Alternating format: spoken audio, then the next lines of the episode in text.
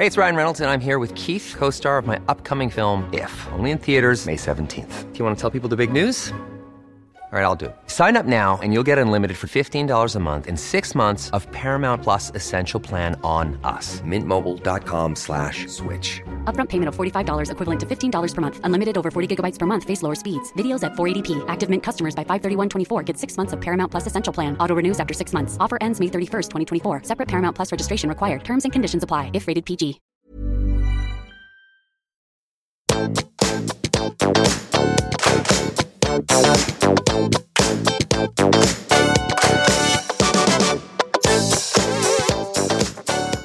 Alle sammen, og velkommen tilbake til podkasten Karriereveiledning med Elaine. Med meg på, ikke på kjøkkenbordet, da, men, men på en stol ved siden av meg har jeg selveste Tom eh, Nordli. Velkommen skal du være, Tom. Takk for det. Jeg er glad jeg ikke er oppå bordet, for da hadde jeg vel knekt, tenker jeg. Ja, ja det spørs. Jeg, vet, jeg må jo faktisk si, da, selv om nå er det jo sånn man skal helst ikke kommentere på utseendet, men du ser jo relativt eh, fresh og frisk og opplagt ut. da. Ja, takk for det. Ja, det er ikke verst, bare det. Nei, det, det, det tenkte at For det merka jeg når du kom og tenkte Faen, han så fresh ut. Så det tenkte jeg skulle si til deg. Um, og så er det jo sånn at jeg la ut på Instagram og Facebook og eller sosiale medier i går at du skulle komme på podkast. Og det har kommet ganske mye spørsmål. Uh, men før vi i hele tatt kommer til uh, karrierehistorikken din og litt hvem du er, så må vi fortelle lytterne at du har jo faktisk sittet her i halvannen time allerede. Ja, det ble jo noen historie mens mekka lyden her, da. Når, Ja.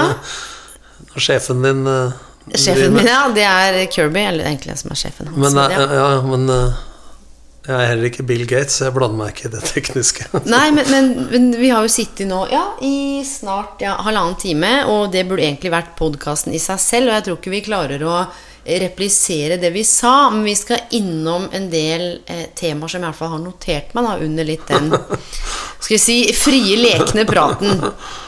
Så Tom Nordli, eh, mange har jo et forhold til deg, og jeg tenker før vi kommer til mye av det jeg lurer på, og skal spørre deg om, så skal vi starte med når du var eh, liten tass. Husker du hva du hadde lyst til å gjøre eller jobbe med? Nei, jeg gjør ikke det, for jeg vokste opp på en tid eh, på 60-70-tallet hvor eh, det ikke var eh, digitale ting, telefoner, ikke personsøker engang, og det var lite biler, og du hang på bussen med Sherrock-støvla og måka egen ishockeybane og datt gjennom isen, og stort sett var det lek og idrett uh, som var det, så at det skulle bli noe i den retningen, det var vel sånn man drømte kanskje om å bli noe innafor idrett. Men jeg kan ikke huske noe annet. Fattern var jo frisør, og mutter'n drev med kunst og maling og, og sånne ting. Eh, så det var ikke noen sånn drøm. Man tenkte vel det som alle gjorde gutter på den sida. Politi og brannmann og sånne ting. Eller heter vel ikke brannmann i dag. Brannkonstabel. Ja, ja. Men du, det at faren din var frisør, altså hvis vi trekker tilbake til 60-70-tallet, eh, uten at noen skal ta meg på det, så var det jo ikke så vanlig med mannlige frisører, eller? Nei, og så kosta det 17 kroner å klippe seg da. Ja. Og når han døde, så kosta det 28, så det var ikke noe akkurat Så jeg vokste jo opp i en familie med De hadde ikke råd til å sende meg i barnehagen. Så det var mye lek og sånn, fordi det, det var jo i en veldig ressurssterk familie rent sånn omsorgs- og verdimessig. Men eh, sånn rent materialistisk så var det sånn på middels minus. Så jeg vokste opp på den måten der at man lærte seg Du sparte et år liksom til Puma King med skru og en lærfotball på den tida. Så du lærte deg å sette pris på de, de tinga du hadde. Da. Ja, Hvis vi trekker en parallell over til dagens samfunn, da, som du sa, dette med, med gode verdier og mye omsorg og mindre av det materialistiske. Um, hvilke tanker Du har en datter på tolv nå, og så har du to eldre sønner. Hvilke tanker gjør du deg om måte, de, de verdiene at du har tatt med deg det inn, da, i tillegg til å navigere i det som nå er av det materialistiske, og ikke minst det digitale som har kommet? Ja, det sitter i hvert fall i meg, for jeg, det er jo kona som har kontroll på økonomien. Jeg veit ikke hva som står og ikke. Jeg blir nervøs når det er minus. Men jeg husker jo det at det, når man begynte å jobbe og fikk litt bedre råd, så husker jeg at den frihetsfølelsen at jeg slapp å tenke på om jeg skulle kjøpe kjøttet eller melka eller fisken på Rema eller på Meny. Det var en sånn frihetsfølelse for meg. Men det var ikke sånn at jeg skulle kjøpe masse ting. Men de verdiene tror jeg setter ja. Vi har nok, eh, i motsetning da, sikkert uh, skjemt bort barna litt. At uh, sykkelen ryker, så er det ny. Er telefonen ryker, så er det ny. Så jeg har noen ganger stoppa opp og tenkt på å prøve å overføre den takknemligheten på få ting. Da. At det ikke kommer så lett til ting. Eh, men jeg kan ikke si at vi har lykkes 100 Men barna er fine, det. Men jeg tror det har noe som å akseptere samfunnsutviklinga. Og så er det spørsmålet i hvor stor grad man skal akseptere det.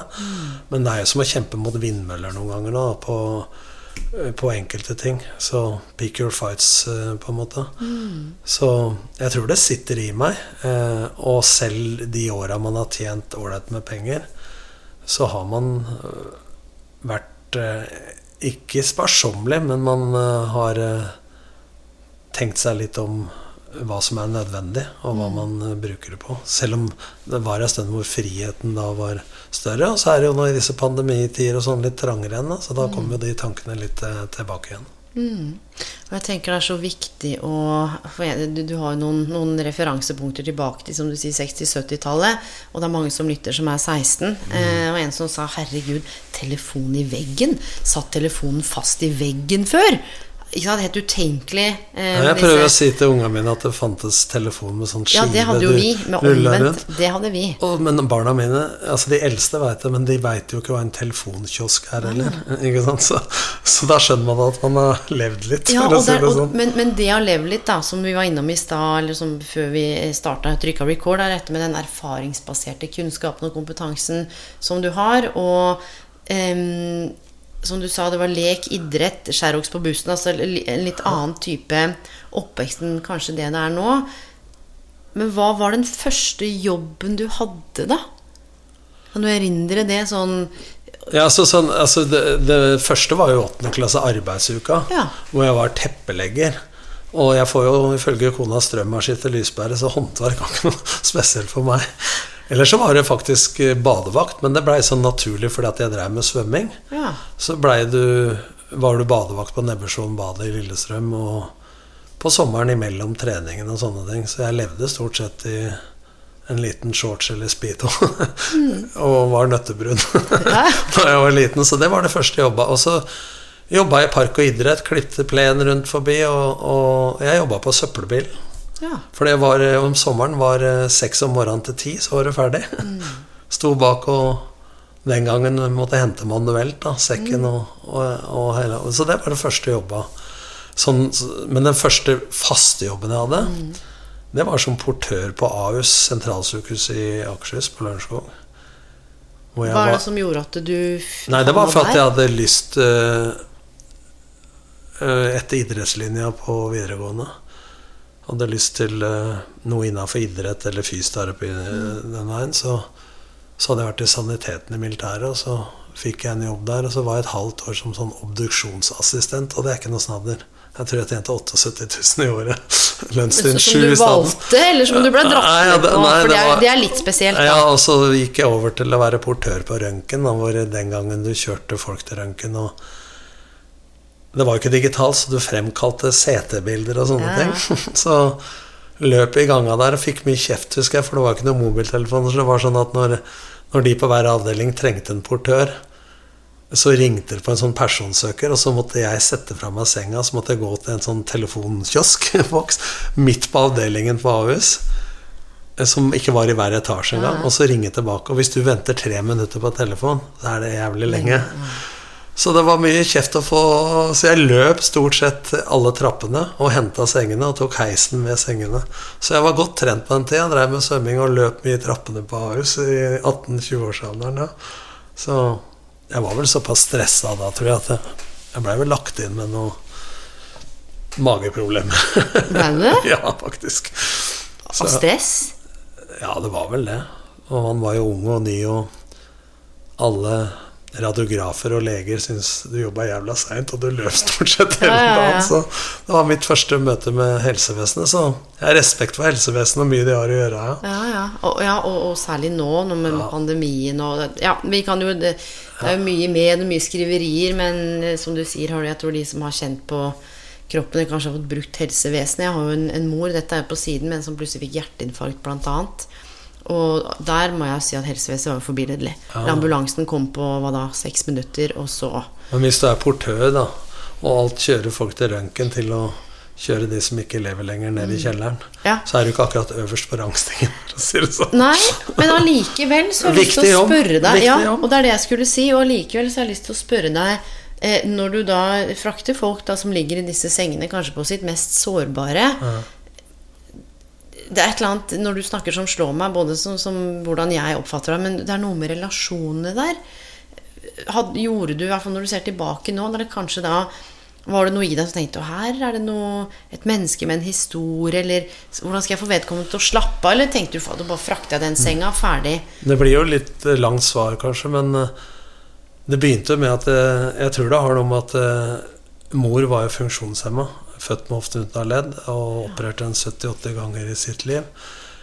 Og så mista vi jo onkel Thor når jeg var ti år. Han var 27 i Syden.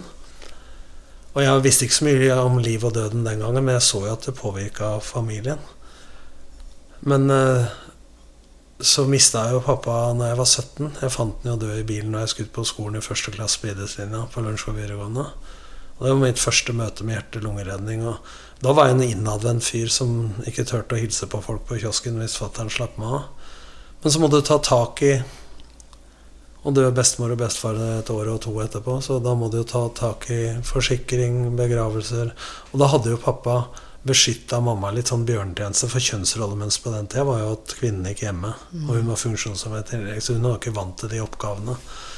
Så det var vel første gang jeg tenkte at kanskje jeg var lagd for å stå litt i vinden og, og omsorg og empati, for jeg var jo nesten sånn innadvendt med sosialangst omtrent på den tida. Så jeg veit ikke om det var det, men så blei det jo til at jeg gikk idrettslinja, som hadde mye med anatomi og fysiologi å gjøre. Og så søkte jeg jo saniteten i militæret. Og etter det så blei det jobb på Ahus. og så blei det idrettshøyskolen. Så, så jeg tror vel selv i min beskjedenhet og innadvendthet på den tida var såpass åpen og ærlig at jeg fikk god kontakt med, med pasientene og de ansatte. Og alltid brydde meg om, om folk. Det har vært nysgjerrig på folk. Eh, hvem er du? Hvorfor er du sånn? Så jeg har jo tenkt noen ganger hvordan ble du sånn sjøl? Så jeg var jo med i en podkast med Sigurd Solheim. Hvordan, hvordan ble du sånn? Og det hadde jeg ikke tenkt så mye over før det. Men det kan være noe av det som gjorde at eh, man havna den veien. Jeg vet ikke. Det, det ble bare sånn. Nei, og Søren Kirkegård han sa det egentlig ganske fint sa at livet må leves forlengs, men forstås baklengs. Ja. Og du er litt det når du snakker nå, og særlig fra et sånt medmenneskelig perspektiv eh, og et karriereveiledningsperspektiv, så er det jo det kan høres ut som for meg som det er en rød tråd. Mennesker, relasjoner, omsorg, samspill. Det er er et eller annet der. Jeg har jo jobba med mennesker hele tida, og det er mange som sier at eh, de dør når de er 20, men de begravlegges når de er 80. Vil si at eh, vi er mange av oss som bare eksisterer. Da. Og hvor mye lever vi ut drømmen osv. Men det kan vi sikkert komme tilbake til. Men jeg tror kanskje ikke at det er tilfeldig at retningen blei sånn. Da, for det var jo snakk om fysioterapi eller lærer i idrettshøyskolen. Så det, det blei jo til at jeg tok fire år på idrettshøyskolen. Og tok pedagogikk og spesped. Eh, du spesped også? Ja, første avdeling. Ja. Men det fikk vi som et sommerkurs i tillegg, for ene året på idrettshøyskolen var idrett for funksjonshemma, som nå heter tilpassa opplæring. Var det fordi mamma var funksjonshemma at jeg valgte den retningen? Jeg tenkte over etterpå. Hvorfor blei det sånn? Så det blei jo fire år der, og, og så var det ute i læreryrket. Eh, I ungdomsskolen i fem år. Og så Valgte du bevisst å gå til ungdomsskolen? At nå er jeg ferdig, så nå Nei, er det det- her jeg vil jobbe? Eller hvordan Nei, så jeg ville ikke i barneskolen, så jeg ville på ungdomsskole eller videregående. Men utdannelsen den gangen som het CAN-MAG eller adjunkt med opprykk eller whatever, master heter det i dag, eh, så var det ledig på Sandbekken ungdomsskole i Rælingen, rett ved Lillestrøm. Begynte der og var der i fem år. Og så var jeg lei, fordi at jeg følte at eh, selv i dag så er jo lærere ja, Kanskje noe av den morsomste jobben jeg har hatt, er å være lærer. Men jeg må innrømme at jeg var mest sammen med elevene, og ikke på lærerværelset.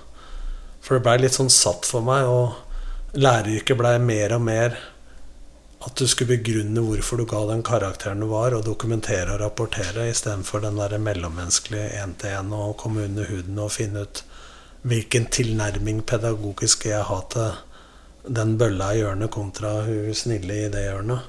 Det var det som interesserte meg. Og da havna jeg i Men Hva er det som gjør at det interesserer deg, da? Nei, folk er folk. Og så er vi i utgangspunktet ganske like. Og så er det jo ting som skjer, da. Og så syns jeg vi er litt for flinke til å plassere og polarisere at du er utadvendt, du er innadvendt, du er klovn, du er filosof. Og jeg tror at jeg er Jeg tok en sånn personlighetstest en gang, og jeg er alt fra Rødt til Fremskrittspartiet, altså i metafor. Jeg er implementere, entusiast, analytisk, eh, omsorgsfull, altså alt mulig. Så jeg har funnet ut det etterpå gjennom å tenke på det at eh, jeg tror jeg har én rolle når jeg er trener. Jeg tror jeg har én rolle når jeg er foredragsholder. Jeg tror jeg har én rolle når jeg er hjemme, er far, ektemann osv. Og, så og jeg tror jeg er ekte hele tida.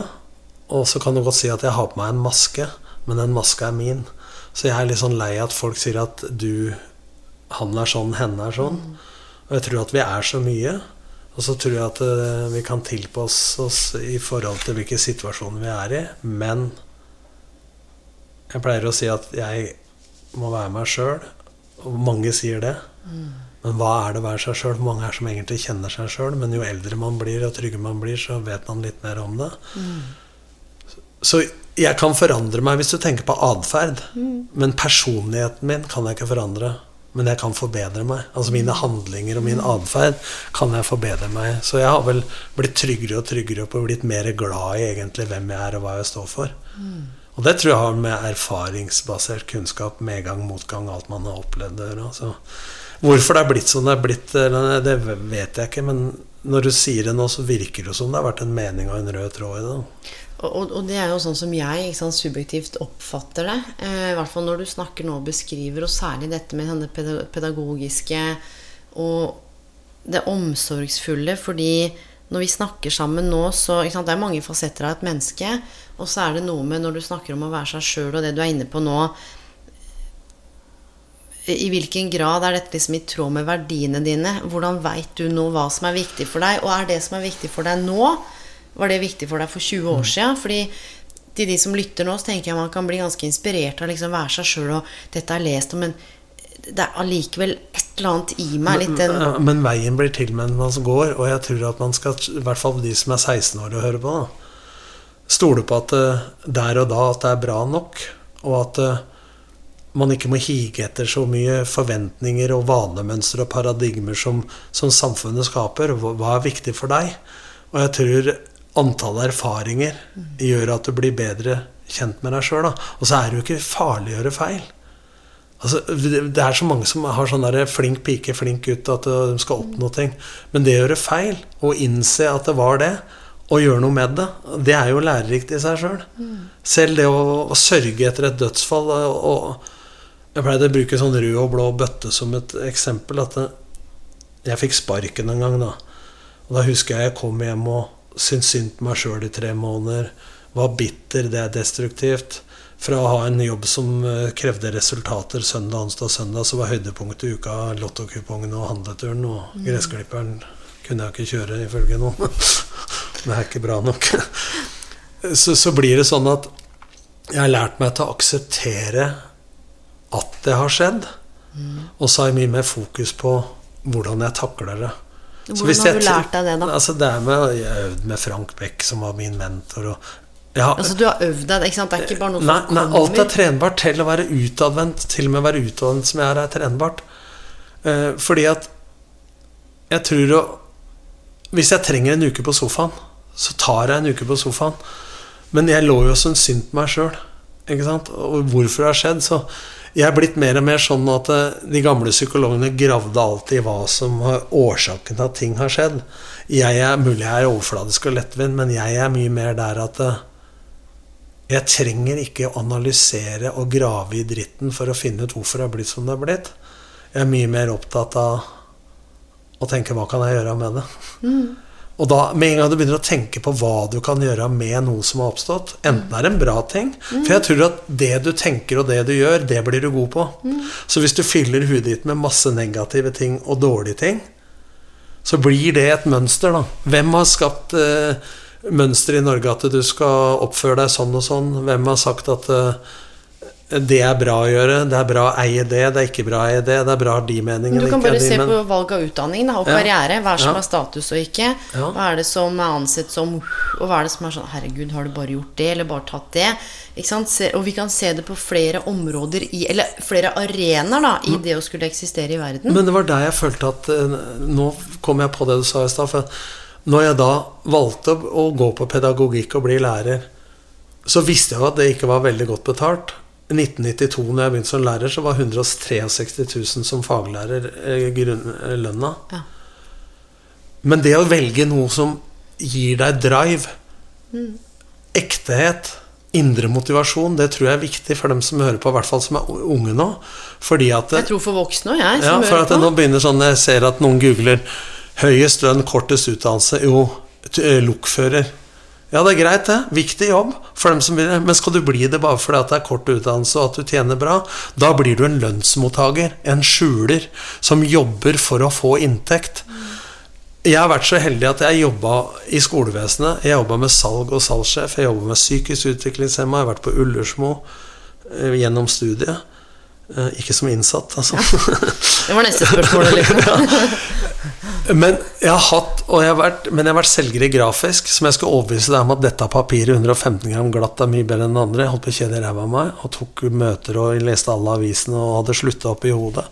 Men de fleste jobbene jeg har hatt, har jeg aldri grua meg til å gå på. Fordi det har vært en indre motivasjon, fordi at jeg føler at jeg gir verdi. At jeg lærer og får verdi av menneskene du jobber med.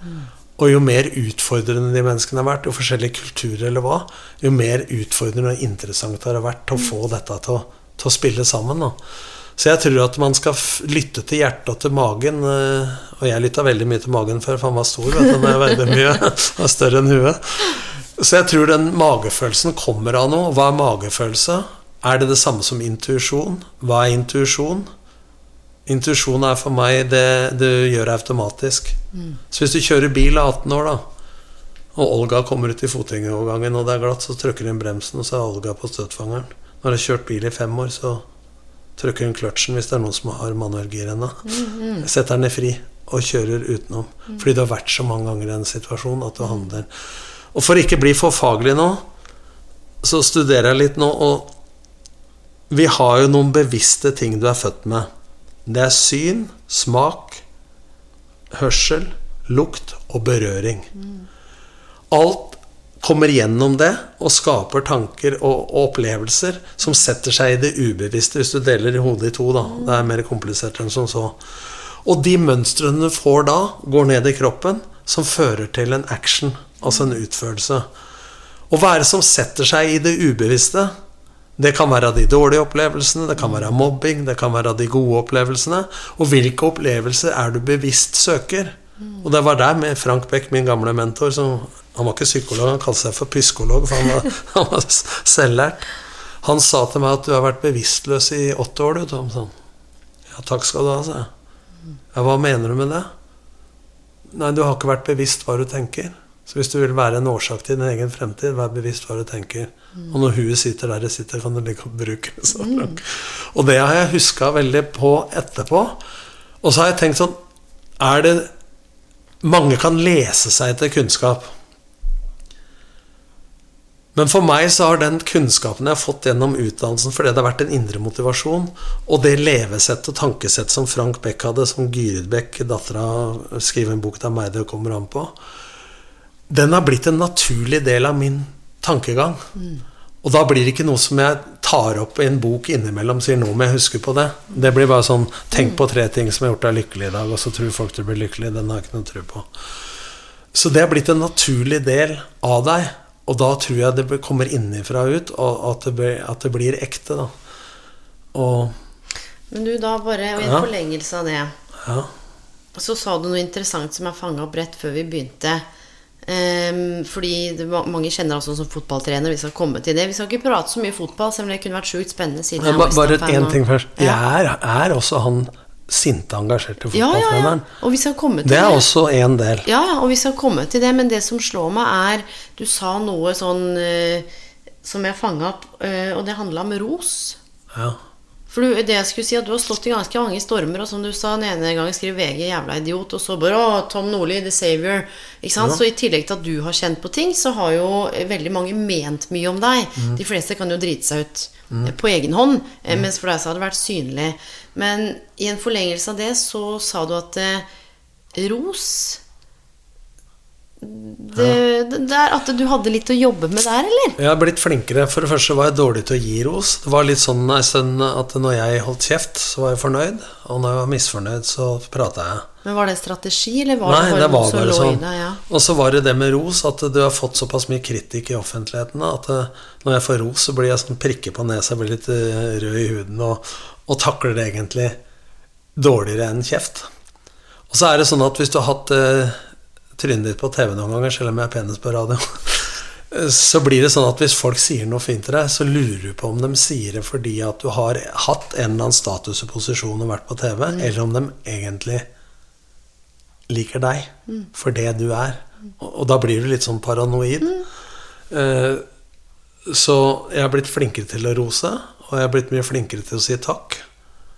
For det er jo sånn med dere kvinner, og hvis jeg sier 'fin kjole', så sier jeg 'jeg har kjøpt den på salg'.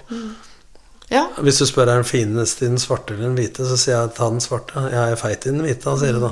Altså, vi er så dårlige til å akseptere. Det er samme hvis vi spør 'hvordan har du det', så vil vi egentlig ikke høre svaret. Vi vil egentlig prate om oss sjøl, eller høre at alt er bra, da.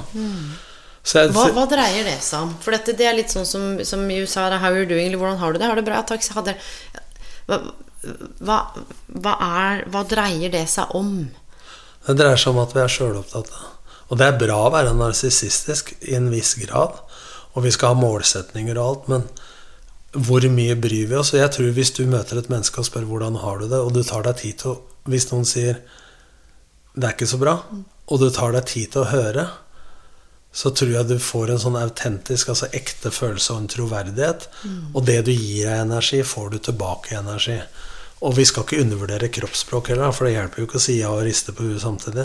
Så jeg tror vi gir en del signaler som vi ikke er klar over. Og det kan jo folk som er i karriere, tenke på. Jeg var selger en gang. Jeg har vært mange ganger. Og så filma dem. Og jeg trodde jeg hadde fullstendig ro. Og hadde kroppen sånn og sånn, og armene sånn og sånn. Jeg tror jeg trykte på kulepenn 150 ganger og dro den pekestokken opp og ned. Og dreiv og klødde meg i huet og retta på overheaden, som det het den gangen.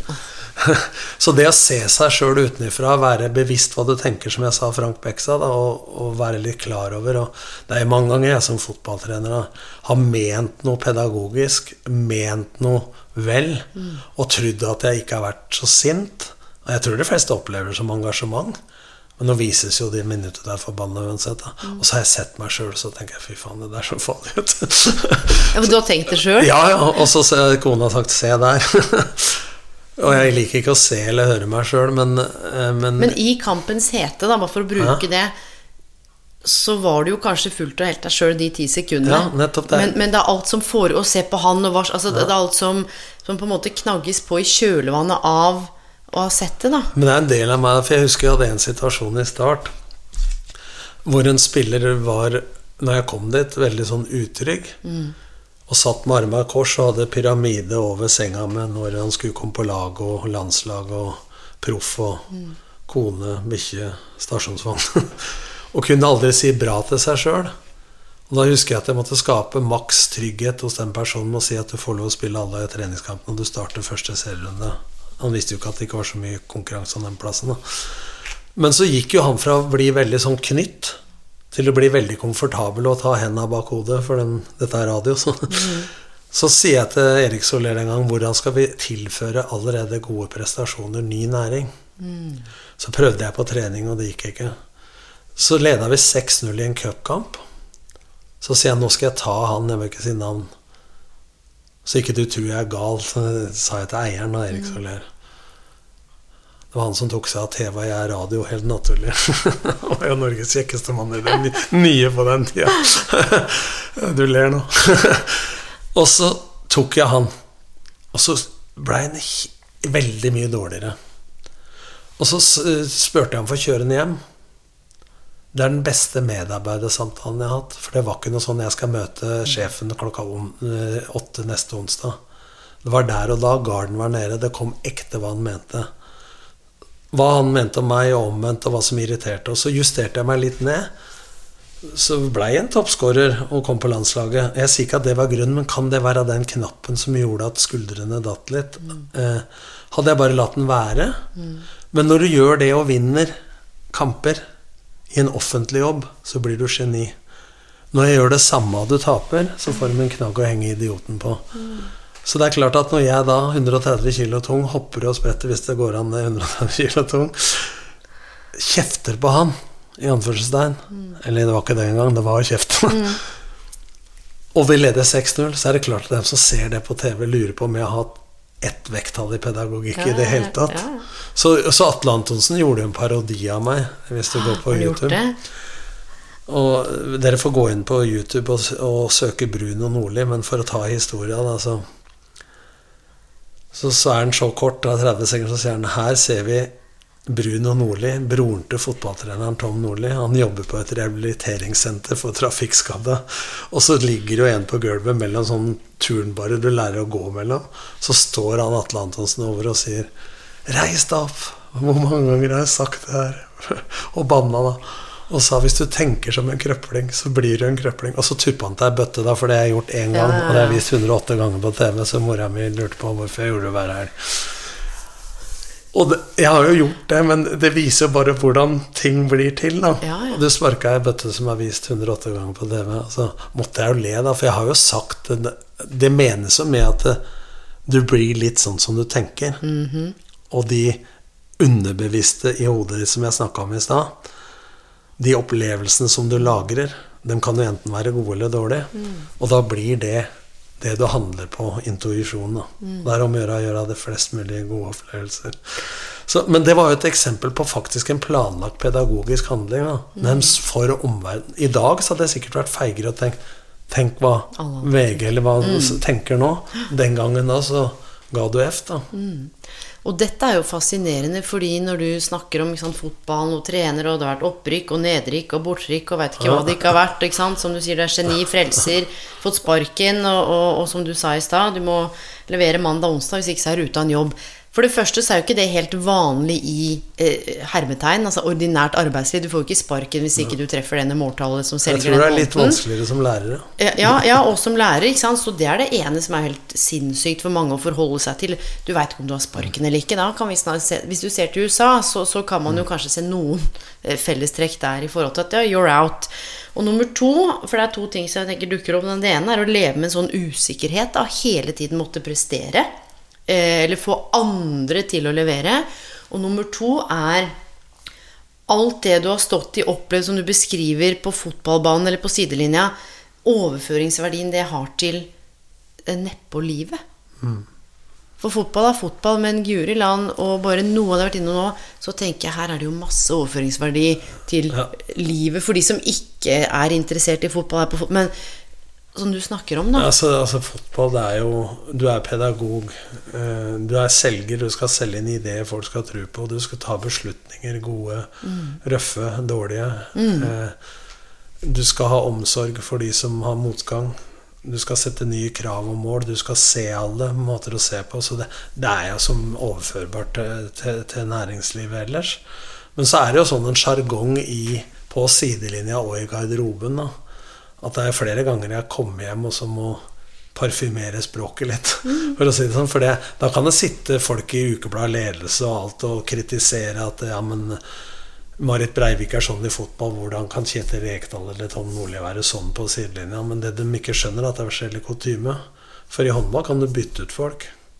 Snakke med dem og sette dem inn igjen. Jeg skal gi en beskjed til folk på Ullevål stadion 80 meter unna. Da kan du ikke stå og hviske 'hør her'. Så tror folk at du har samme tilnærming eh, i garderoben eller Det er jo bare garderobeprat med meg som den ene som alle tror eh, er sånn hver gang nå, mm. hvor du er forbanna. Men, men, du snakker jo ikke sånn på salgskontoret som salgssjef. Du snakker jo ikke sånn i klasserommet. Altså Du tilpasser jo deg de situasjonene du er i. Mm. Så da er det litt sånn folk er litt dømmende fordi de sitter hjemme i sofaen og tenker eh, sånn og sånn. Men det er klart vi kan tenke eh, over hvordan vi fremstår. Men Men har du kjent på det at folk er dømmende? Altså, har, har det begrensa deg? For du sa litt Jeg hadde kanskje ikke gjort det nå, eh, det du gjorde for 20 Nei, år for at du blir litt sånn paranoid, da. For at når folk blir kjent med meg sånn som her nå, eller i foredrag og sånn, så sier jo folk 'Jeg trodde ikke du var sånn'. Så blir du glad, da. Så kjører du med første lyskryss og tenker 'åssen i helvete trodde de at det var'. Mm. Det har de jo fra et mediearbeid. Så det er jo også en del av meg. Mm. Men i hvor stor grad skal du bry deg om det? Er det da de paradigmene, de vanemønstrene, samfunnet, de krava Mm. som var akseptabelt, ikke? Eller skal du stole litt mer på hjertet og magen og det indre. For jeg tror den indre motivasjonen i karrierevalg eller eh, hva du skal drive med, det som gir deg Hva er det du egentlig vil? Og hvordan finner man ut av det, Tom? Jeg tror du må øve oppi hodet og føle på det. Hva er det jeg egentlig Så det går an å øve på det, for det er det store spørsmålet. Og når folk tar kontakt òg, så er det sånn Jeg er usikker. Ja. Jeg veit ikke hva jeg vil. Men så er det noe i meg som tenker at det, det er jo ikke helt blankt. De fleste har jo en hunch. Ja, men de vil ha bare at de, de legger frem som er usikre, og så vil de at du skal ta avgjørelsen for dem. Fordi at de vil egentlig få bekreftelse på at Yes. Og når de legger frem en problemstilling for deg, skal jeg velge det eller det, så er de antageligvis mye flinkere til å argumentere for det ene som de egentlig vil, og håper at du skal støtte dem på det. Så egentlig har de bestemt seg inn i hodet, men vi er beslutningsvegrere i forhold til å tørre å velge det som hjertet og magen din sier at jeg skal gjøre. Og nå er du inne på noe viktig, og da det også Og det pleier jeg å spørre folk om, litt sånn på fleip, men de, ikke sant, Er du ute etter råd, altså, eller virkelig sparring, eller er du ute etter bekreftelse? Og for det er så godt hvis en karriereekspert, som, som jeg har blitt omtalt som, som jeg liker ikke det ordet, eh, bare sier at ja, det var smart valg, ja, da er det greit, da. Akkurat som jeg skal vite hva som Ja, hvis er du et har sagt smart at det er valg for deg. Hvordan skal jeg vite det? Ja, men så går det dårlig, da, så kan de si at Ja, ja, det er men det var jo det var jo Ja, du som, det var Eleni som sa det. Ikke sant? Jeg har jo tro på dette med ansvarliggjøre, og jeg skjønner at folk er usikre, og det er fullt mulig. Og, og, og det vi snakker om nå, tror jeg gir gjenklang hos alle, men så er det the million dollar question, da. Hvordan er det jeg kan finne ut av det, eller, eller kjenne som sier at det går an å øve på det? Men, men jeg, eh, jeg ble kalt hjemme at jeg ikke drømmer. For hvis noen i familien drømmer om den reisa eller det, så sier jeg men, har du gjort en markedsanalyse, du skal begynne med det, eller har vi råd til det, osv. Så, videre. så dreper jo noe av drømmen. Men, men så hadde jeg et rom på klubben og så var det en som sa lever du drømmen, og hva er det som hindrer deg? Men jeg har jo faktisk levd drømmen på en måte. Fordi at fotballtrener for meg jeg drev jo med svømming. Det var jo helt tilfeldig. Jeg var interessert i det. Jeg gjorde det ved siden av jobb, som en hobby. Fotballtrener? Ja, Og det gjorde det fordi at det ga meg drive, det ga meg overskudd, selv om du jobba like mye der som på din ordinære jobb. Og så plutselig blei det yrket ditt. Da har du jo levd drømmen, for du har bare gjort det som du virkelig vil. Og det jeg, har jeg funnet ut da når jeg har tenkt på det siste uka, at det må jeg gjøre mer av. Det begynner å haste før du ligger i pennene. Og, og jeg tror det at å øve da på å være bevisst og Hver gang det kommer inn sånn tvil Hva skal jeg gjøre, hva skal jeg gjøre? Og det setter seg ned nesten å lukke øya og tenke Hva er det jeg egentlig vil? Hva er det som gir meg energi? Og hva, hvis jeg drømmer om noe, da, og, og tenker på det og idet jeg sier det, så er jeg flink til å gjøre det. Men fra tanken kommer til jeg sier det, så er det så mye jeg har lyst til å gjøre som jeg ikke gjør. Så kommer de vanlige greia. Ja, men tenk da, jeg har ikke økonomi. Ja, kanskje jeg må flytte. Ja, men eh, hadde jeg vært yngre, så skulle jeg begynt med det. Det er ikke så lett for meg, skjønner du, som det er for deg. Altså, det er masse sånne ting. Hva er det de spørsmåla og hindringene oppi huet ditt kommer fra? Og det kommer fra et vanemønster. Hvor kommer det vanemønsteret fra? Da kan du bli gal av å tenke på det. Mye kommer fra mor og far. Mye kommer fra miljø. Eh, Hvem er du sammen med? Hvor flink er du til å være sammen med de folka som gir deg en energi? Hvor du bor. Ja, hvor narrativene bor, ja. der du bor, Ja. politikken, sosioøkonomisk status Nei, hele familien har gått på Nav, eller Det er sånn jeg har hørt. Å ja, så det betyr at du også skal Ja, nei, det er ikke så lett for Ikke sant? Og det er disse narrativene, disse historiene vi forteller oss sjøl. Og nå er du inne på noe som er viktig, da skal jeg spørre deg en forlengelse av det. Når du, da, for du har jo holdt på med fotballtrening annet lenge, skjønte du da at du levde drømmen, eller var det liksom Å, jeg skal til England, jeg skal til La Primera Divisjon Altså Det det, det Eller var du ja, i det? Kjempepoeng. Jeg var veldig mye i det. Okay. Men når det hadde gått ei stund, Ja. så angrer jeg på at jeg ikke nøyt det mer. Mm. At jeg satte mer pris på at jeg var der At du er der du er. Fordi du ville noe Ja, utålmodig skulle liksom målsetning Så jeg har lært meg til å ha litt færre mål, men måla skal være minne, som Mm. betyr noe for meg. Ikke alle andres mål, at du må trene Liverpool eller et eller annet. Mm. Og jeg var så opptatt av å bli eliteserie tippeligatrener at jeg tror jeg blei intensiv på folk, i og med at jeg ikke hadde spilt høyt fotball sjøl, annet enn på juniornivå. Jeg var svømmer. Så Var du så opptatt av å bli akkurat det, da? Hva, hva, Nei, men det, var, det var en drøm, men jeg hasta så fælt. Og- Og så var alle skeptiske om han svømmeren kunne noe fotball. Og da var det sånn at jeg ble litt sånn intensiv på å bevise at jeg kunne noe. Istedenfor å bare slappe av litt. Og så var det et eller annet i 96-97 som tenkte at Faen heller, unnskyld. At eh, jeg bare gjør det jeg har lyst til. Og hvis jeg er bra nok, så får jeg muligheten. Så går det bare et år, så får jeg Odd i Skien, og så rykker vi opp sjøl, da. Men så er du eliteserietrener. Og, og da var du ikke så opptatt av det målet, da. For hvem er det som satte det målet? Var det egentlig meg? Eller var det andre? Så det at målet er ditt, og at du tør å leve etter det Og da mener jeg sånn at folk setter nyttårsforsetter, og de setter store mål. Jeg pleier å dele det inn i visjon, målsetning, altså, eller A, B og C-mål. For meg så er visjon noe som skaper drømmer og drivkrefter. Det vil si at vi skal bli et av de mest lønnsomme bedriftene, eller vi skal bli et av Norges beste fotballag. Det er vanskelig, men det er mulig.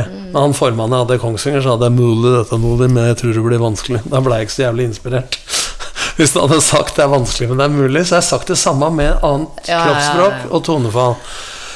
Men konsekvensen av visjonen er jo målsetninga. Målsetninga er kortere fram i tid. Om to år så skal jeg ta medalje, om to år skal jeg begynne på universitetet. Det er mer målbart. Jeg skal gå ned ti kilo bare i trynet, som jeg gjorde på et halvt år.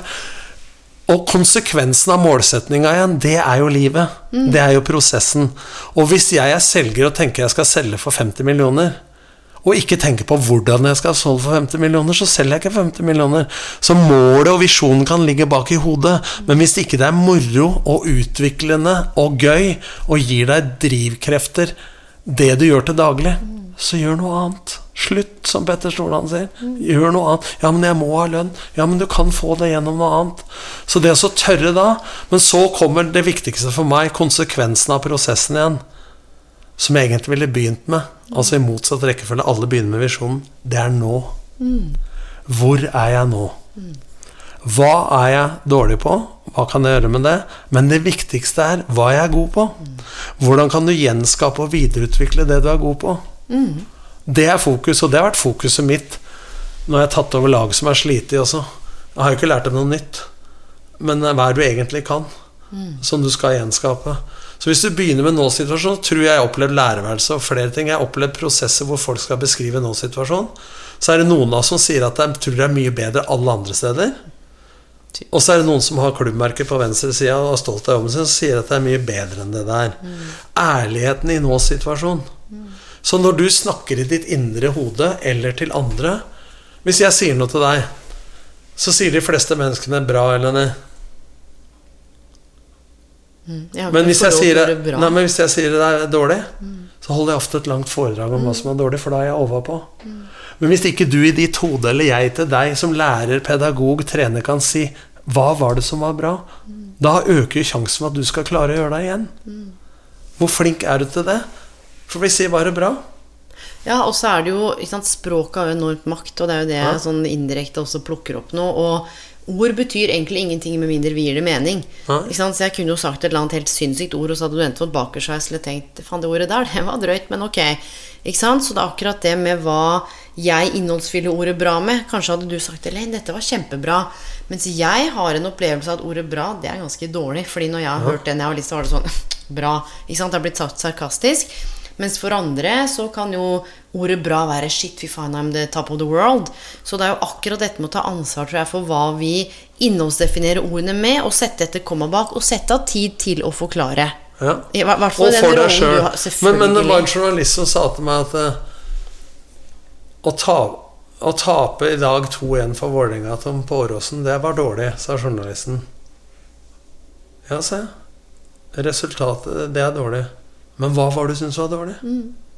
Da, jo, da var det over til musikk, for da hadde jeg ikke noe mer å si. Men det der er et ganske modig spørsmål.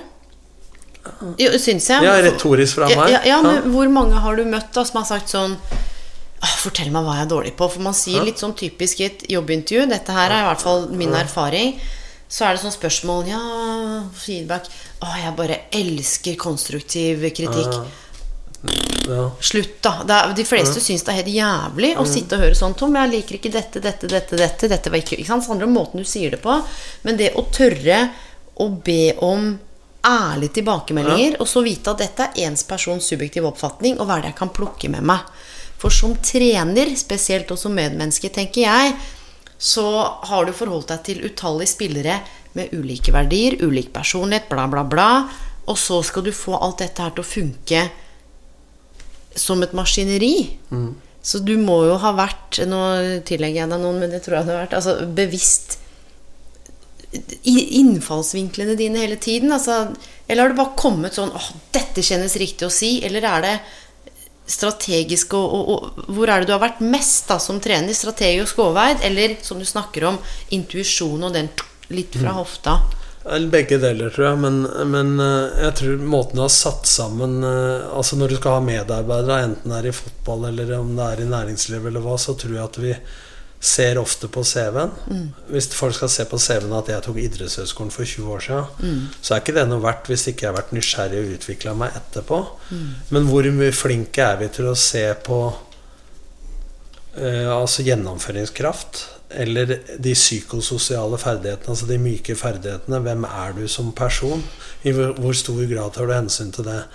Og jeg har et eksempel fra fotballen at rent faglig så skulle Alex i start spille på samme side som Doffen Hestad. Og så burde Fredrik og Jon spilt på andre sida. Men så hadde Fredrik og Alex så god kjemi i garderoben og utafor som førte til at de samarbeida veldig godt på banen. Så jeg var pragmatisk og gjorde om på det. Så jeg tror jeg har brukt mye av det bevisst, ubevisst. Uten at jeg visste det, da. Men hvis jeg hadde hatt noe evidentbasert Sånn som jeg hadde en spiller i Skeid som jeg trodde ble bedre av å bli sparka i ræva, så oppdager Morten og jeg som han andre treneren bare at ja, han blir jo ikke det. Hvis jeg hadde visst noe mer om det på forhånd, så kunne min tilnærming til vedkommende vært helt annerledes, istedenfor at jeg måtte prøve og feile på sida. Så jeg tror det at å finne ut litt mer om hvordan du sjøl er, og øve på det, men i større grad som leder, medarbeider, kollega, ta litt hensyn til hvem du jobber sammen med. For hvem er det vi jobber sammen med? Hvis du blir satt i gruppearbeid på jobben, så vil du helst være sammen med dem du har best kjemi med, som du liker mest. Hvem er det jeg ansetter som nestsjef under meg på jobben, eller som assistenttrener for meg? Det er ofte de som er enig med deg. I hvor stor grad greier vi å se på andres menneskers kunnskap som en ressurs og ikke en trussel? Så vi var i et bryllup en gang hvor hun sa at jeg har så fin bordkavaler. Jeg er en så kjekk men jeg har så mye fine meninger. Så sa jeg er han enig med deg, da? da? Faen. Ja, så jeg kan være sånn provoserende retorisk på det. Ja. Men jeg er bare nysgjerrig. For hvis folk sier til meg at jeg tror på Gud, så spør jeg hvorfor det. Jeg har respekt for det, men forklar meg hvorfor. For jeg gjør ikke det. Jeg finner ingen mening med det. Jeg mista halve slekta mi når de var unge. Eh, Er det en mening med det? Ikke sant? Altså, fortell meg. Så de beste vennene våre i Kristiansand er jo i menigheten. Har nøkkelen til huset vårt i Oslo, og vi til dem. Men når du stiller det Og spørsmålet. Ja, men da er du villig til å lytte. Ja, Ikke sant? Du spør ikke for å spørre hvordan går, du spør fordi du er oppriktig og ja men Det genuint kan virke som provoserende, men jeg er bare nysgjerrig. Ja, men jeg tenker at Og vi kan jo heller ikke ta ansvar for hvordan andre oppfatter oss. Du, du er jo deg og stiller spørsmål, men da tipper jeg altså når du spør, så lytter du. Sant? Det er jo, det er jo Mm. Og det tror jeg er blitt bedre til. For at jeg tror jeg har trent fotballag også hvor du har 22 stykker, du har 18 stykker i garderoben, og du skal snakke til dem i fem minutter, så skal du treffe flest mulig. Der sitter innadvendte, utadvendte. Alle hører forskjellige Ja, ting. folk er optimister, pessimister, angst, eh, panikk osv. Så, videre, så skal du treffe alle sammen. Så det, jeg tror tryggheten Jeg tror at vi Det er noe som heter 'er du usikker, så vær skråsikker'. Jeg tror jeg var mye mer sikker på hvordan jeg skulle gjøre ting da jeg var yngre. For da var mitt svar fasiten.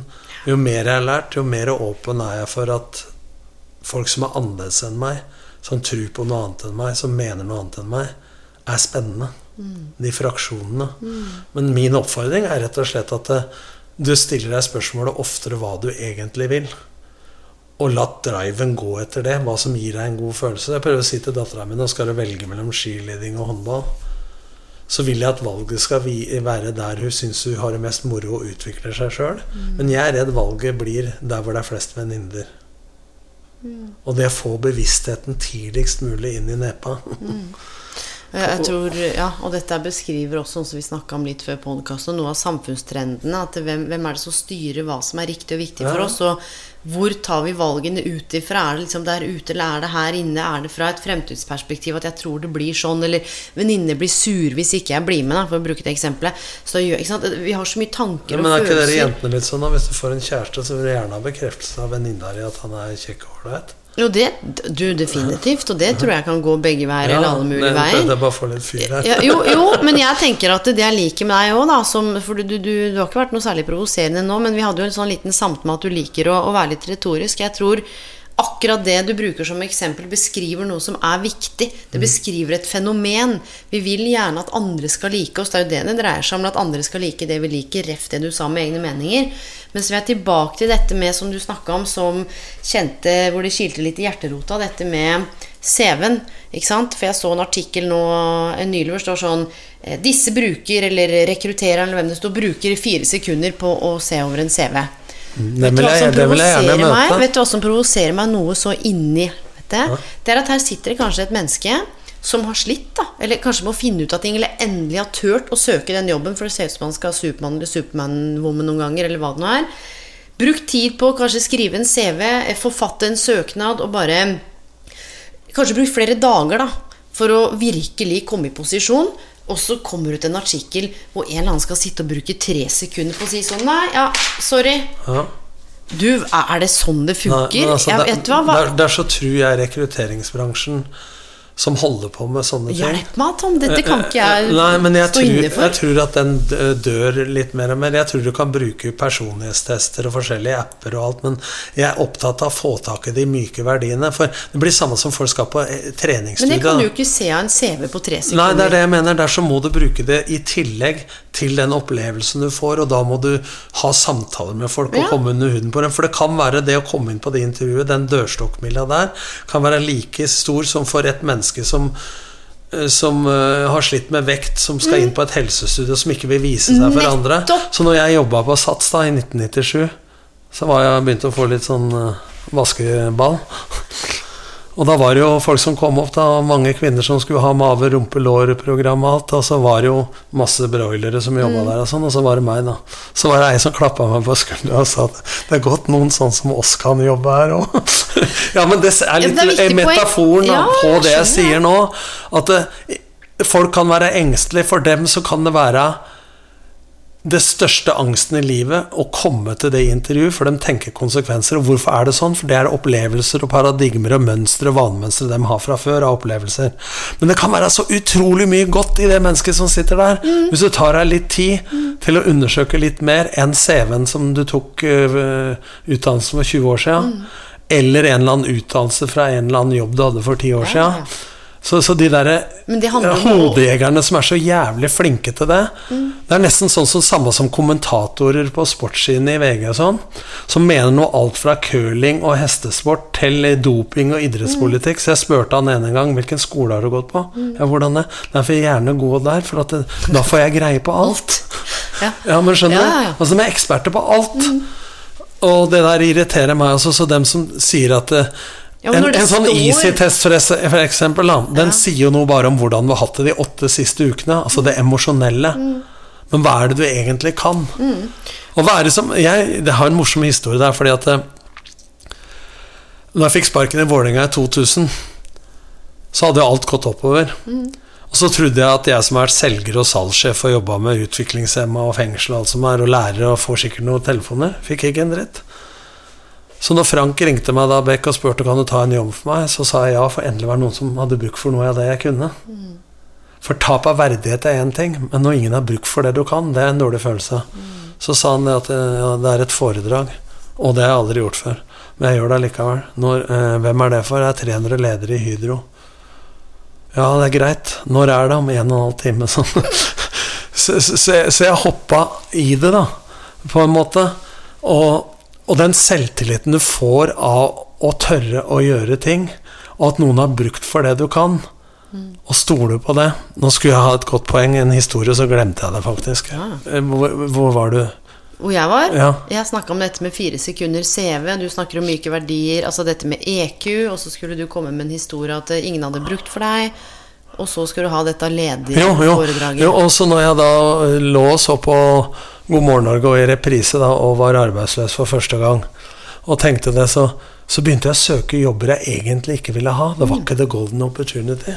Så spurte kona hvorfor gjøre det, for jeg sa jeg må ha noe å gjøre. Så det å søke jobb var en prosess. Men det å gå til en medarbeidersamtale eller til et jobbintervju og ikke tenke at dette må jeg ha, og at du sier ting som du tror den på andre sida av bordet vil høre, så fikk jo jeg spørsmålet, da, for å sette det litt på spissen Ja, hva kan du gjøre for vår bedrift, Nordli? Så tenkte jeg inn i huet mitt, ikke en dritt. Men så var jeg retorisk da til det du sa, og spurte Ja, det skal jeg fortelle. Hvis du kan fortelle meg hvorfor jeg har kalt inn på det intervjuet her. Hadde jeg blomster i hjørnet på CV-en, eller hvorfor havna jeg ikke i kurven? Så blir du kasta ut, da, de fleste stedene. Men der du ikke ble kasta ut, så fikk du jobben. Er ikke det mye bedre enn å bli nummer to hver gang? Eller fire? Jo, Da gjør som Petter Northug, vinner i Fallen, og så blir jeg nummer 47 ja, neste ja. gang. Men, men og også finne et sted du vil være. Ja. For det er det nå Tidligere, liksom sånn det, karriere, litt sånn det karriereveiledningsfaglig, så ungt fagfelt, 1900-tallet, 1909 Det handler om at nå, Tom Nordli, du er god på dette, så du skal jobbe der. Du skal, sant? Man, det var rett mann på rett plass. Mens i større grad nå så handler det også om Er dette et sted jeg vil være? Det er lov til å begynne å tenke sånn. Men tenk hvor mange som jobber et sted i dag. Jeg opplevde i mitt støtteapparat i forskjellige for, eh, materialforvaltere, oppmann og alt hva de kaller det. Så jeg oppdaga det at de har fått jobben med en stillingsinstruks. Og så har en annen fått jobben for å ha en annen stillingsinstruks. Og så har jeg oppdaga at begge to mistrives. Og de kan ikke det de holder på med. Det er samme som at jeg fikk eh, ansvaret på lærerværelset på Sandberken ungdomsskole i 92 for blomstene. Ja. Og den ene, den der eh, husfreden, eller hva han het, blei brun. da Så lurte de på hvorfor jeg ikke vant han, så jeg trodde han skulle komme seg. For å ta et dårlig eksempel.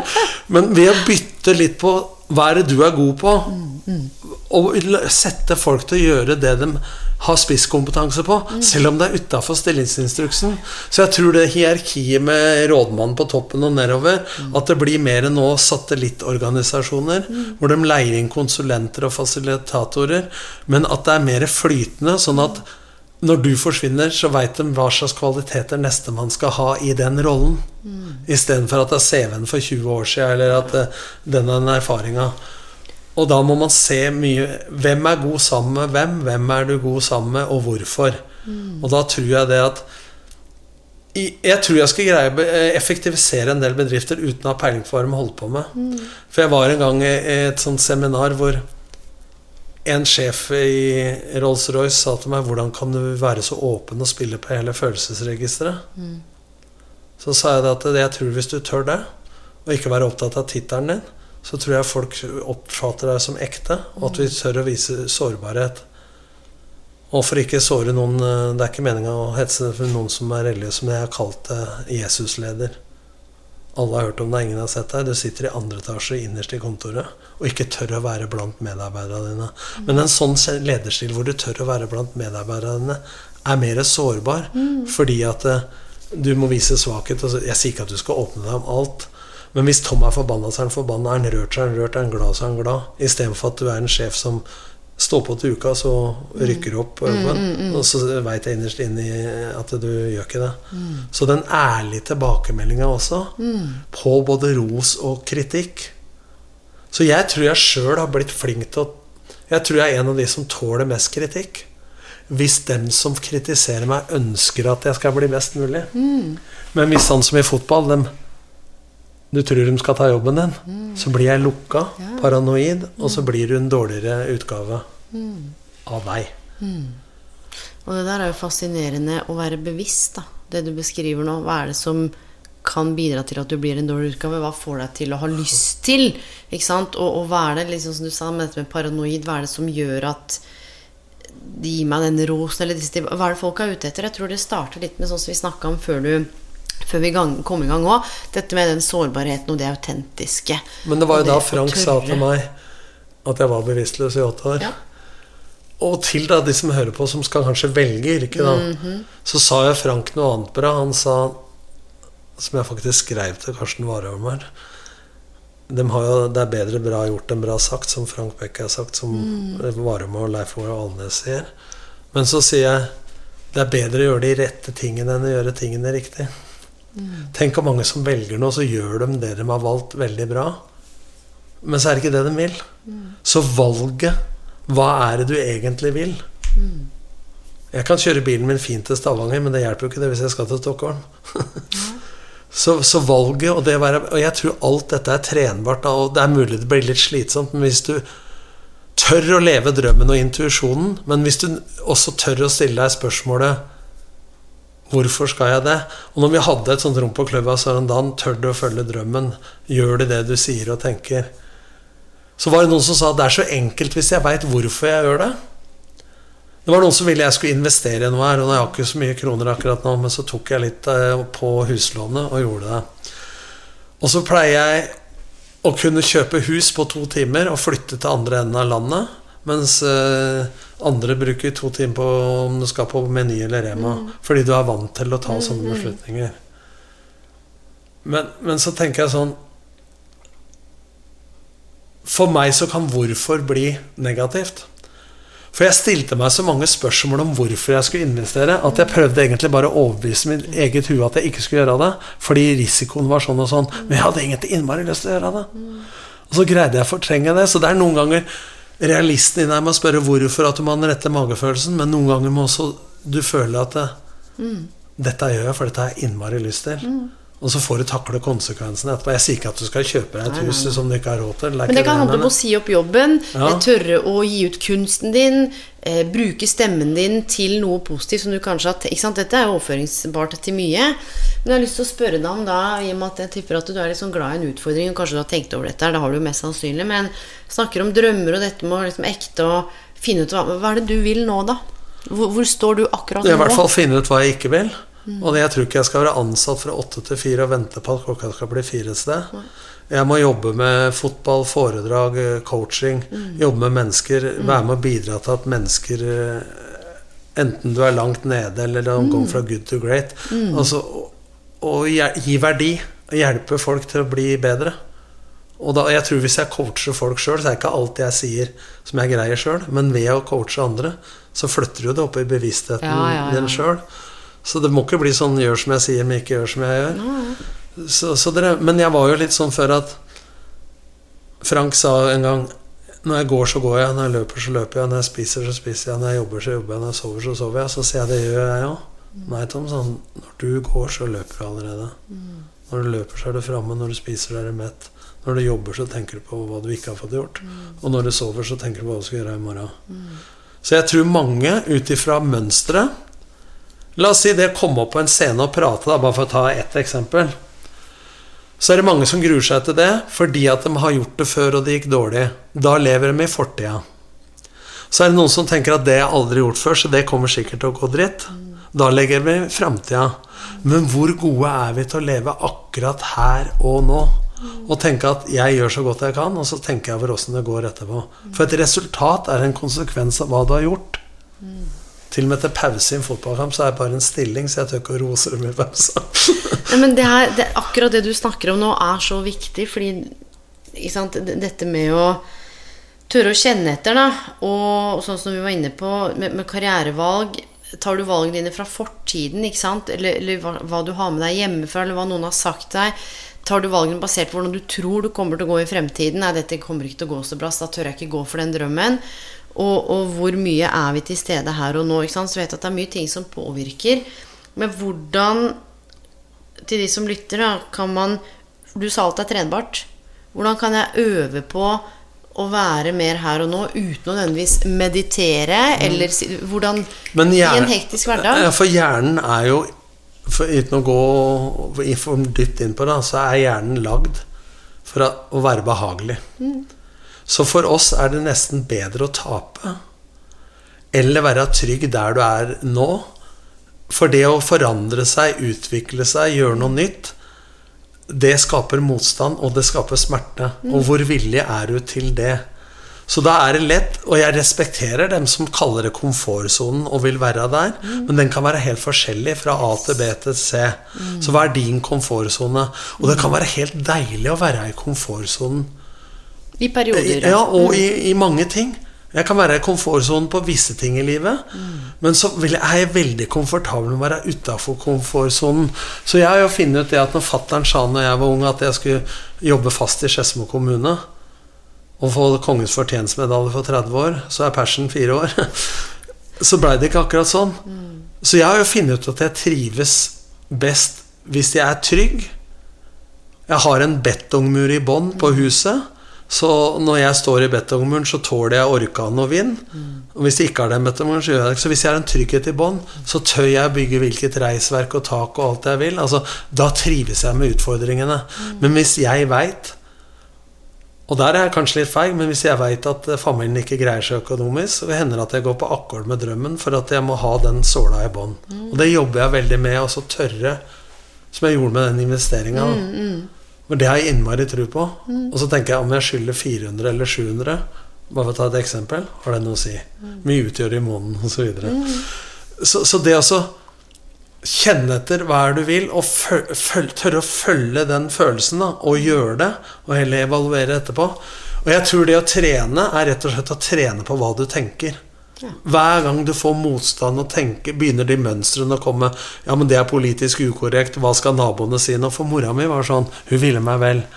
Men hun var sånn at hvis jeg sto i fare for å få sparken i Vålerenga i år 2000, så kommer jeg hjem, da, og når du er sterk leder, så vil du gjerne ha armen rundt deg en, en gang. Så sier mutter'n 'Hva skal de andre si nå?'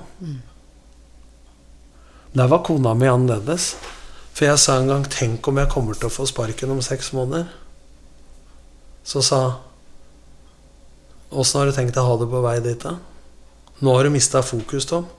For nå eh, fokuserer du på hva som kan skje om seks måneder, altså i framtida, mm. istedenfor å gjøre det beste du kan her og nå. Og så kan ikke du styre hva som skjer, men du kan styre åssen du takler det. Så husk på at du er ikke jobben din, for det man er viktig. Så jeg ville jo ha en arm rundt meg hjemme da. Lederen som skulle hjem og få litt trøst, og fikk bare et balltre midt i trynet. Men det var jo bra sagt. Jo, jo. Så jeg tror det derre Hver gang du får sånne tanker, så ta en q-tips og rens. Det er ikke bra med q-tips, forresten.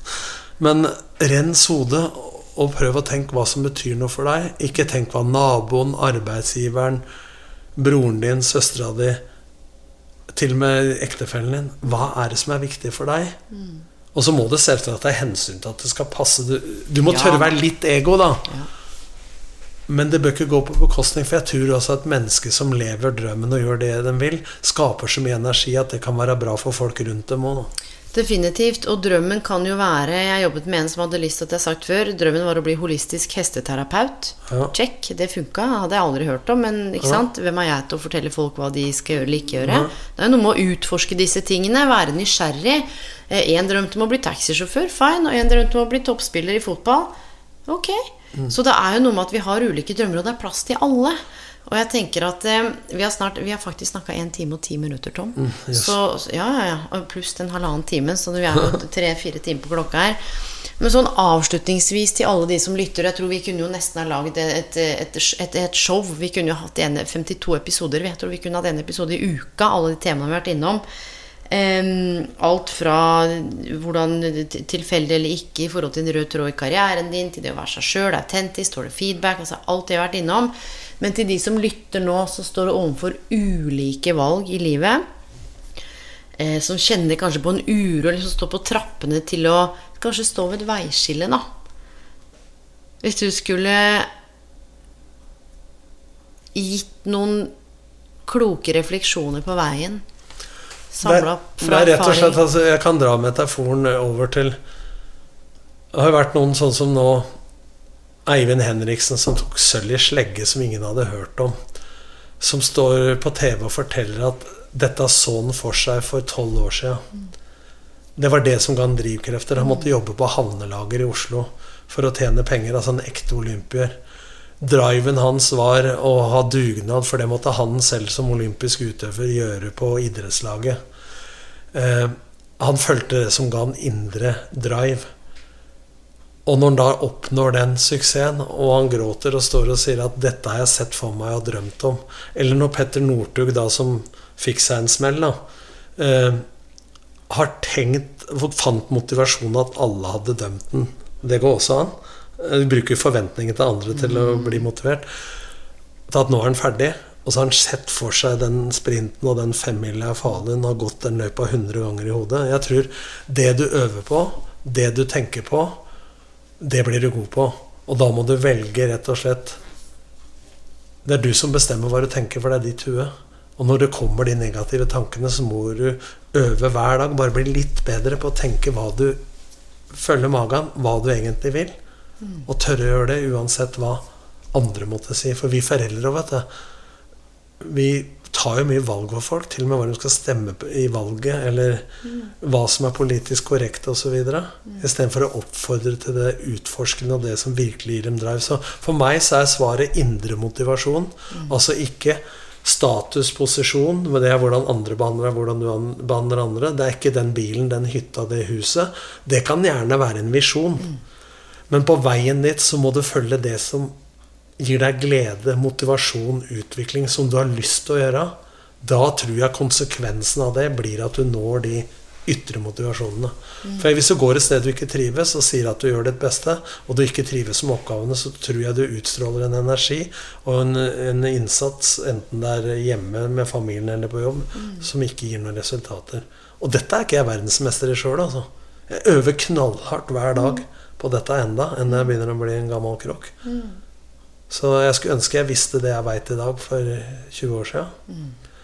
Så ikke vent til du er så gammel som meg, men vær bevisst hva du tenker litt tidligere. For det er jo fullt mulig. Tom Nordli, dette her var eh, kloke refleksjoner avslutningsvis. Og for de som lytter, hvor er det jeg kan finne deg? Hjemmeside, webside? Hvis jeg vil booke deg, snakke med deg, hvor er du? Ja, det er eh, mail. En, en mail? Ja, Ja. mail. Ja. Tom.nordli.online.no. Jeg kan finne deg på LinkedIn. LinkedIn, ikke minst. Booke foredrag. Hvor Ja. er du på noe si... Hvor Ja, jeg står på LinkedIn, og du kan kontakte meg direkte, eller ved athenas.no. Uh, og du kan sende meg mail, som jeg sa. Og er du heldig, så står det telefonnummer der, og uten at jeg skal si det, det her og nå. Så, så LinkedIn. eh, jeg er på Instagram gjennom eh, den Clubhouse-sida som heter Teambuilding Norge. Jeg har en privat ennå, men det er mer eh, sånn lukka. Så Teambuilding Norge eh, på Clubhouse. Eh, Teambuilding Norge på Instagram. Facebooken er hacka. Ja.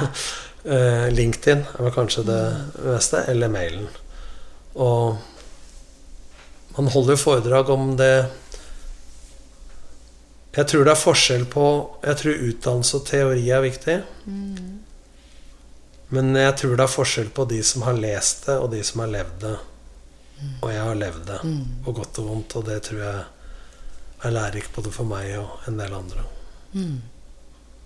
Jeg liker ikke å reklamere. Nei, men jeg tenker Nå må jeg tenke litt hva jeg skal si. Jeg tror du oppsummerte samtalen vår. Du sitter og snakker, ja, du har lest, og du er jo Ja. utdanna, eh, men det er all den erfaringen, alle de tankene, alle de refleksjonene, alle de timene med selvransakelse. Eh, kombinert med selvfølgelig noe evidens og alt det. Men jeg tror du oppsummerte veldig bra 'du har levd det'. Det er kanskje der foredragene dine og den du er, skiller seg fra, som du beskriver, for de som har det teoretiske, men som ikke har kjent på den blå og røde Du får ikke 20 powerpoint av meg, du får mm. levende historier. Og jeg tror at jeg er bedre som familiemann, leder, trener enn noen gang. For det å så gå på smeller og motgang og medgang, det å være bevisst hvorfor det gikk bra, men ikke minst lære av de feila du har gjort. Og hvis du gjør det, så har du større forutsetninger til å så være god enn noensinne. Så det er ikke sånn at Kjell Inge røkka godt, konk, han òg. Altså, ikke sant? altså, hva lærte du av det? Så hvis du ikke Jeg anbefaler til slutt å ikke gå rett i gulvet for det om, for det om du får en smell. For det er en del av livet, det òg. Og så er det litt opp til deg hvordan du bruker huet i forhold til hvordan du takler det. Og hvis du ikke takler det, som ikke jeg gjorde når jeg fikk sparken i Vålerenga, så går det an som jeg fikk. Fikk hjelp av Frank Beck. Altså venner, eh, profesjonelle, hva som helst. Og hvis du sliter i dag, som mange gjør, så har jeg én oppfordring. Tør å be om hjelp. Og det tror jeg treffer mange fordi det sitter langt inne. Ja. Det sitter langt inne for mange. Eh, igjen, hva skal alle andre tenke? Har jeg egentlig nok problemer? Sliter jeg nok? Er dette her noe jeg egentlig snakker om? Hvem skal hjelpe meg? Det blir som å stille et spørsmål i klasserommet. Og jeg er vel verdensmessig å stille de dumme spørsmåla. Så folk blir flaue noen ganger. For jeg veit at det er så mange som lurer på akkurat det samme. Og hvis du tør å be om hjelp, så tror jeg det er veldig mange andre som trenger akkurat det samme. Og hva er konsekvensen av å si det? Du dauer ikke av det. Nei, kanskje, så får du hjelp istedenfor. mm, for konsekvensen av å ikke gjøre noe kan være større. Ja. Tenk på det når du står opp om morgenen og at det er tungt. Så kan du tenke at alternativet er noe dritt. Yes, det er akkurat det. Og fattern ble jo 83 nå. Han sa nei, men det er jo ikke noe vil ikke feire. Så sa jeg, men hva har vært alternativet, da? Ja. Det er akkurat det. Og jeg tror disse refleksjonene og det å dra det litt ned noen ganger, sånn som du beskriver nå Det er jo et levende eksempel også på at du har levd det, for du var innom dette med dødsfall i slekta. Eh, og nå gikk vi ikke noe innom, innom det akkurat nå, men jeg tenker det er også noe som, som sitter i en. Nå har vi prøvd å runde av noen ganger, men det er noe jeg må si. Og det er ikke for å bli for vitenskapelig, men det er noe som heter nevroplastisitet. Altså vil si at hjernen er dynamisk, den er bevegelig. Før så trodde vi at hjernen var fullt utvikla når du var 16 år. Så er det bevist det at eh, hjernen kan lage nye nevroner og nervebaner. Og det er klart at Ja, men jeg har ikke fokus i folk Jo, du får ikke kjøpt fokus på Meny. Alle har fokus, men vi har litt forskjellige ferdigheter til hvordan vi bruker fokus. Så hvis du tenker at det blir flom, da, og elva renner over alle breddegrader Så ved å øve på hvordan du tenker og fokus, så kan du få vannet til å renge akkurat i den ene elva du vil. I den retningen du vil, men da må du øve først på hva du vil.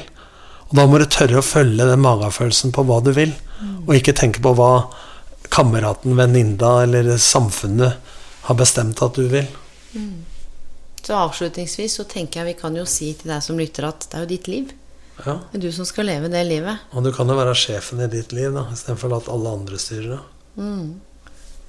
Fantastisk. Eh, Tom Nordli, tusen takk for at du tok deg tid til å komme på kjøkkenbordet eller ved siden av kjøkkenbordet med et glass Pepsi Max. Det var ikke kaffe, det var Pepsi Max som man skulle ha som sånn rider. Jeg, Så jeg, bør, jeg bør få noen kasser gratis. Ja, ja, ja, det skal vi sende på for døra. Jeg, jeg tør ikke å tenke på hvor mye penger jeg bruker på det. i løpet av Så. Pepsi Max, if you're listening. Til alle dere som har lytta, eh, god kveld, god natt, god helg, hvor enn dere er i verden.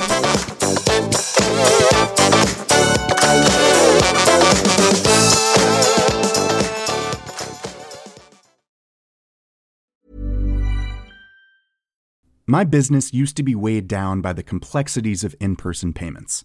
Then, Tap to Pay on iPhone and Stripe came along and changed everything. With Tap to Pay on iPhone and Stripe, I streamlined my payment process effortlessly. Now I can accept in person, contactless payments right from my iPhone. No extra hardware required. What's truly remarkable is how I can cater to all of my customers' payment preferences. Whether they're using cards, Apple Pay, or other digital wallets, Tap to Pay on iPhone and Stripe ensure a smooth checkout experience every time.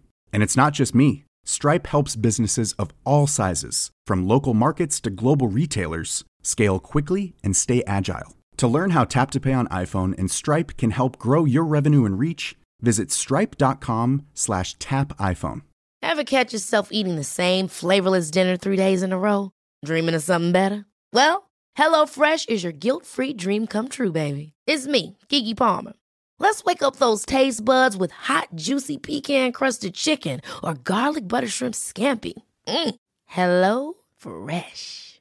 Stop dreaming of all the delicious possibilities and dig in at HelloFresh.com. Let's get this dinner party started.